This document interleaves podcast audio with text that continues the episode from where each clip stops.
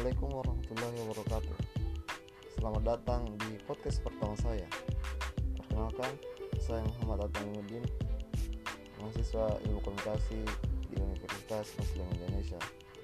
Nah, di podcast pertama ini Saya akan menceritakan tentang Barbarossa Brother Atau dua orang bersaudara yang disebut dengan Barbarossa Nah, menyebut nama Barbarossa mungkin yang ada di dalam kita adalah karakter bajak laut jahat. Yang namanya sudah melengge, yang, yang namanya sudah melengge, melegenda itu. Kejam, bengis, dan tidak berperasaan. Begitulah karakter sang peropak ini dikenal dunia. Barbarossa memang sejatinya ada dan bukanlah tokoh fiktif. Yang sering dipercaya banyak kejam. Namun justru sangat heroik dan jauh dari sifat-sifat tercela. Eksistensi Barbarossa sendiri sangatlah penting bagi perkembangan dunia Islam. Ya, karena ia adalah seorang muslim, soal kejam dan tidak berperasaan, hal ini hanya tuduhan saja. Namun, tentang pamornya yang mendunia dan bikin bangsa barat ketakutan itu memang benar. Sejarah yang ada menceritakan kisah Barbarossa yang berkebalikan dengan apa yang kita baca atau lihat di film sekarang ini. Entah apa alasannya, namun ada indikasi kalau Barat seperti ingin mengubah cerita sejarah dengan memelintir kisah sang pelat jenis ini. Barbarossa yang kita kenal sekarang adalah nama untuk seorang saja, padahal aslinya Barbarossa adalah nama dua orang bersaudara, Aruj dan Khairuddin. Nama Barbarossa yang berarti jenggot merah adalah julukan yang diberikan oleh bangsa Eropa karena penampilan Aruj dan Khairuddin yang memang punya jenggot lebat berwarna merah. Awal mulanya, dua bersaudara ini hanyalah pemuda biasa yang hidup sederhana. Namun, ada satu momen di mana hal tersebut mengubah jalan hidup mereka selamanya. Suatu ketika, Aruj dan Khairuddin serta adiknya melakukan sebuah perjalanan dagang. Namun, tengah jalan, kapal mereka dirusak parah oleh kapal militer Spanyol. Adik Aruj dan Khairuddin meninggal saat, saat tragedi itu. Hal ini membuat keduanya marah besar dan akhirnya dendam. Keduanya bersaudara ini memutuskan untuk menjadi perompak dengan menghancurkan setiap kapal orang Spanyol, baik untuk dagang maupun militer. Aksi ini berlangsung cukup lama dan akhirnya tersebarlah nama Barbarossa Brother yang begitu ditakuti dan disegani. Di momen yang sama, saat nama Barbarossa bersaudara menghantui kapal-kapal Eropa, Islam di Andalusia, Spanyol mengalami keterpurukan. Jutaan muslim dibantai, sedangkan sisanya mengalami penyiksaan berat. Keadaan begitu genting saat itu, dan kemudian terdengar oleh Sultan dari dinasti Turki Utsmani jika di Lautan Tengah ada dua bersaudara muslim yang namanya sangat menakutkan bagi bangsa Eropa.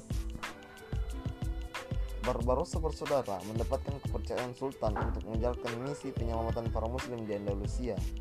Dua bersaudara Barbarossa pun menerima perintah ini dan mereka sukses besar dengan berbekal pengalaman kelautan dan tempur handal. Keduanya bolak-balik berhasil menyelamatkan sedikit demi sedikit para muslim. Hingga pada akhirnya Barbarossa bersaudara diserahi tempuk kepemimpinan pasukan elit Janissary. Di tangan Barbarossa bersaudara, Kesultanan Turki menjadi salah satu bangsa dengan kekuatan militer laut paling menakutkan. Banyak misi-misi yang berhasil dilakukan, misalnya pengusahaan beberapa daerah yang dikuasai oleh orang-orang Eropa dan pasukan salib. Salah satunya daerah-daerah di utara Afrika yang strategis itu sudah puluhan bahkan ratusan kali pertempuran laut terjadi antara Turki Utsmani dan Eropa. Namun, mayoritas dimenangkan oleh Barbarossa bersaudara. Ada satu momen di mana ini menjadi pulukan terberat bagi Herodin Barbarossa. Hal ini tak lain adalah kematian saudara sejawa, sejiwanya, Aruj, dalam sebuah pertempuran melawan bangsa Eropa. Kejadian, kejadian ini menjadi pembakar semangat Khairuddin untuk bisa berjuang lebih maksimal lagi. Hasilnya pun luar biasa, sepenuhnya Laut Tengah dan Afrika Utara dikuasainya. Tak ada satupun kapal bangsa Eropa yang berani melewati wilayah Herudin, kecuali mereka bersedia membayar, membayar pajak. Makin jumawa kekuatan kelautan pasukan elit ini di tengah barba, di tangan Barbarossa yang kali ini telah sendiri. Perjuangan paling heroik dari Barbarossa, kata Herudin, adalah ketika ia dihadapkan dengan Andrea Doria. Pria ini dikenal sebagai benturannya militer bangsa Eropa yang namanya begitu masyur karena pengalamannya yang sudah sangat banyak Andrea Doria dipilih karena sudah tidak ada yang sanggup melawan Barbarossa. Pertempuran menegangkan ini terjadi di, di sekitar tahun 1538 di mana kondisi kedua pihak sangatlah timpang. Doria memimpin ratusan kapal perang galeon yang, yang melegenda itu ditambah dengan pasukan tempur yang jumlahnya ratusan ribu. Barbarossa ia hanya memiliki sepertiga dari kekuatan musuh baik kapal maupun pasukan. Meskipun demikian, hal tersebut tak membuat Barbarossa merasa takut ataupun mundur. Pertempuran berjalan alot, namun aura kemenangan sudah bisa dirasakan pihak Barbarossa. Hanya sekitar 5 jam pertempuran, Herudin dan pasukan jenis serinya berhasil menggempur Andrea Doria untuk mundur. Sekali lagi, nama Barbarossa makin jumawa di lautan, makin tersohor, sedangkan Doria sudah tidak berani mengangkat muka lagi karena si kebanggaan Eropa yang sudah kalah. Begitulah kisah dalam sejarah tentang Barossa, sang kapten muslim yang namanya sangat ditakuti oleh Eropa. Bangsa-bangsa barat kemudian hari ini memelintir cerita aslinya sehingga menunjukkan sifat Barbarossa yang berkebalikan dengan aslinya. Barbarossa sendiri tak tewas seperti yang diceritakan oleh mereka. Ia menghembuskan nafas ter terakhirnya di usia 68 tahun dengan sama, sangat tenang di kamar pribadinya. Nah, terima kasih yang telah mendengar cerita awal sampai akhir.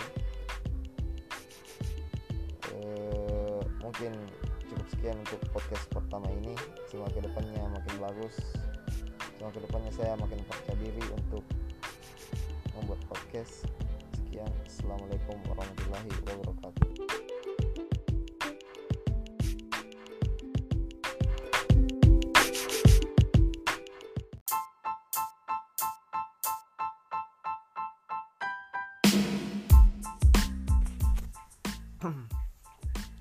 Bismillahirrahmanirrahim. Assalamualaikum warahmatullahi wabarakatuh. Nah Kembali lagi di podcast kedua saya. Saya Muhammad Hasan Alimuddin mahasiswa Universitas Muslim Indonesia jurusan ilmu komunikasi. Di podcast kali ini saya akan membicarakan tentang komunikasi dan public speaking salah satu bentuk komunikasi adalah komunikasi publik atau yang lebih dikenal dengan public speaking. Public speaking merupakan keterampilan berbicara di depan umum. Bagaimana seorang pembicara menyampaikan pesan, gagasan yang ingin diketahui oleh audiens. Public speaking dianggap sebagai sarana komunikasi. Dalam sarana komunikasi atau sebuah wadah bergulirnya percakapan yang memerlukan umpan balik komunikator, pesan, dan komunikan. Semua ini akan berfungsi melalui channel atau saluran yang disebut media. Nah, dalam melakukan praktek public speaking, setelah pembicara menguasai teknik-teknik pokok persiapan dan penyampaian pembicaraan, maka sangat menguntungkan apabila seseorang mengetahui kebutuhan-kebutuhan khusus dari jenis public speaking yang mereka jalankan Public, public speaking merupakan bentuk sarana komunikasi. Dalam sarana komunikasi atau sebuah wadah bergulirnya percakapan, selalu memerlukan pembalik. Dalam dunia komunikasi, publik terdiri dari komunikator, pesan, dan komunikan. Semua ini akan berfungsi melalui channel atau saluran yang disebut media. Dalam komunikasi publik, salah satu titik keberhasilannya terletak pada bagaimana komunikator dalam hal ini membicara dalam menyampaikan pesan agar dapat dimengerti dan dipahami dengan baik oleh komunikan. Dalam jenis public speaking yang dilakukan dalam program plan visit termasuk dalam public speaking dengan tujuan untuk memberikan informasi. Tujuan dari public speaking ini adalah membentuk pemahaman dan mengingatkan para audiens. Dalam public speaking ini, pembicara harus merencanakan percakapan dengan hati-hati karena berhubungan dengan membentuk pemahaman dan ingatan dari, dari para audiens.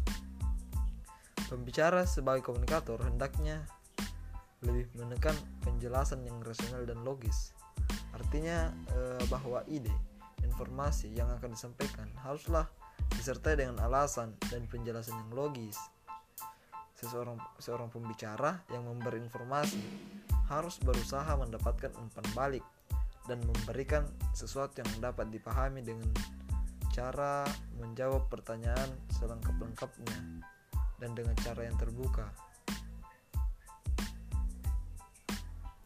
Bahasa pembicara juga harus jelas. Penggunaan bahasa harus dipilih agar dapat memberikan posisi dan argumen argumentasi yang terbuka. Uh, Aristoteles mungkin pendengar tidak asing lagi mendengar nama Aristoteles.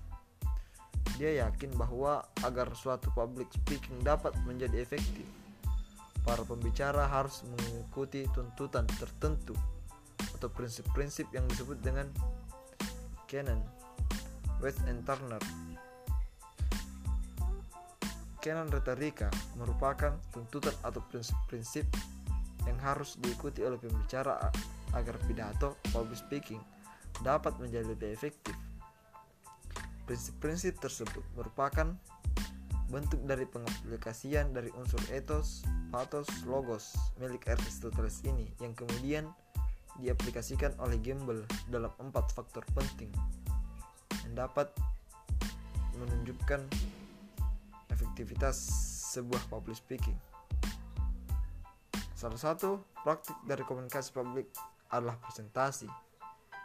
Presentasi harus dipandang lebih dari sekedar sarana komunikasi yang fungsional atau pengambil keputusan saja.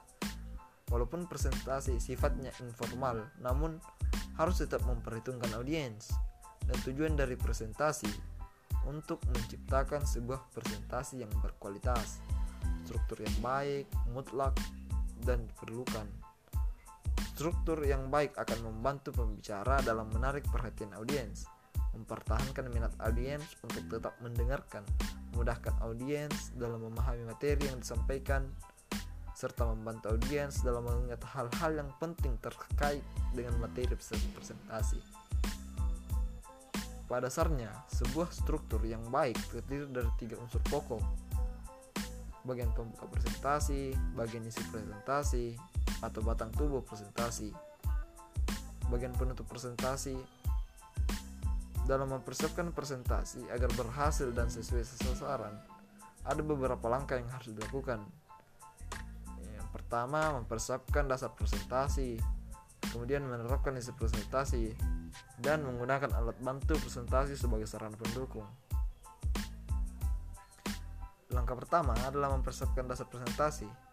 Dalam mempersiapkan presentasi agar berhasil adalah membuat daftar yang berisi sasaran sasaran yang akan dicapai. Penting bagi pembicara untuk membuat satu rencana bagaimana struktur presentasi mulai dari awal sampai akhir akan dibuat. Perhatikan pula waktu yang tersedia dan upayakan jangan melebihi target waktu yang telah ditentukan. Sebaiknya pembicara membuat persiapan dalam kurun waktu yang kurang dari waktu yang tersedia daripada melebihi waktu yang disediakan. Jika waktu persiapan melebihi waktu yang tersedia, tidak akan memungkinkan seluruh materi dapat dibahas. Pembicara sangat perlu membuat materi presentasi secara seksama dan detail. Namun tetap menjaga materi presentasi agar terlihat singkat sehingga seluruh materi dapat dibahas. Jika isi materi presentasi terlalu bertele-tele, maka akan mengurangi minat audiens.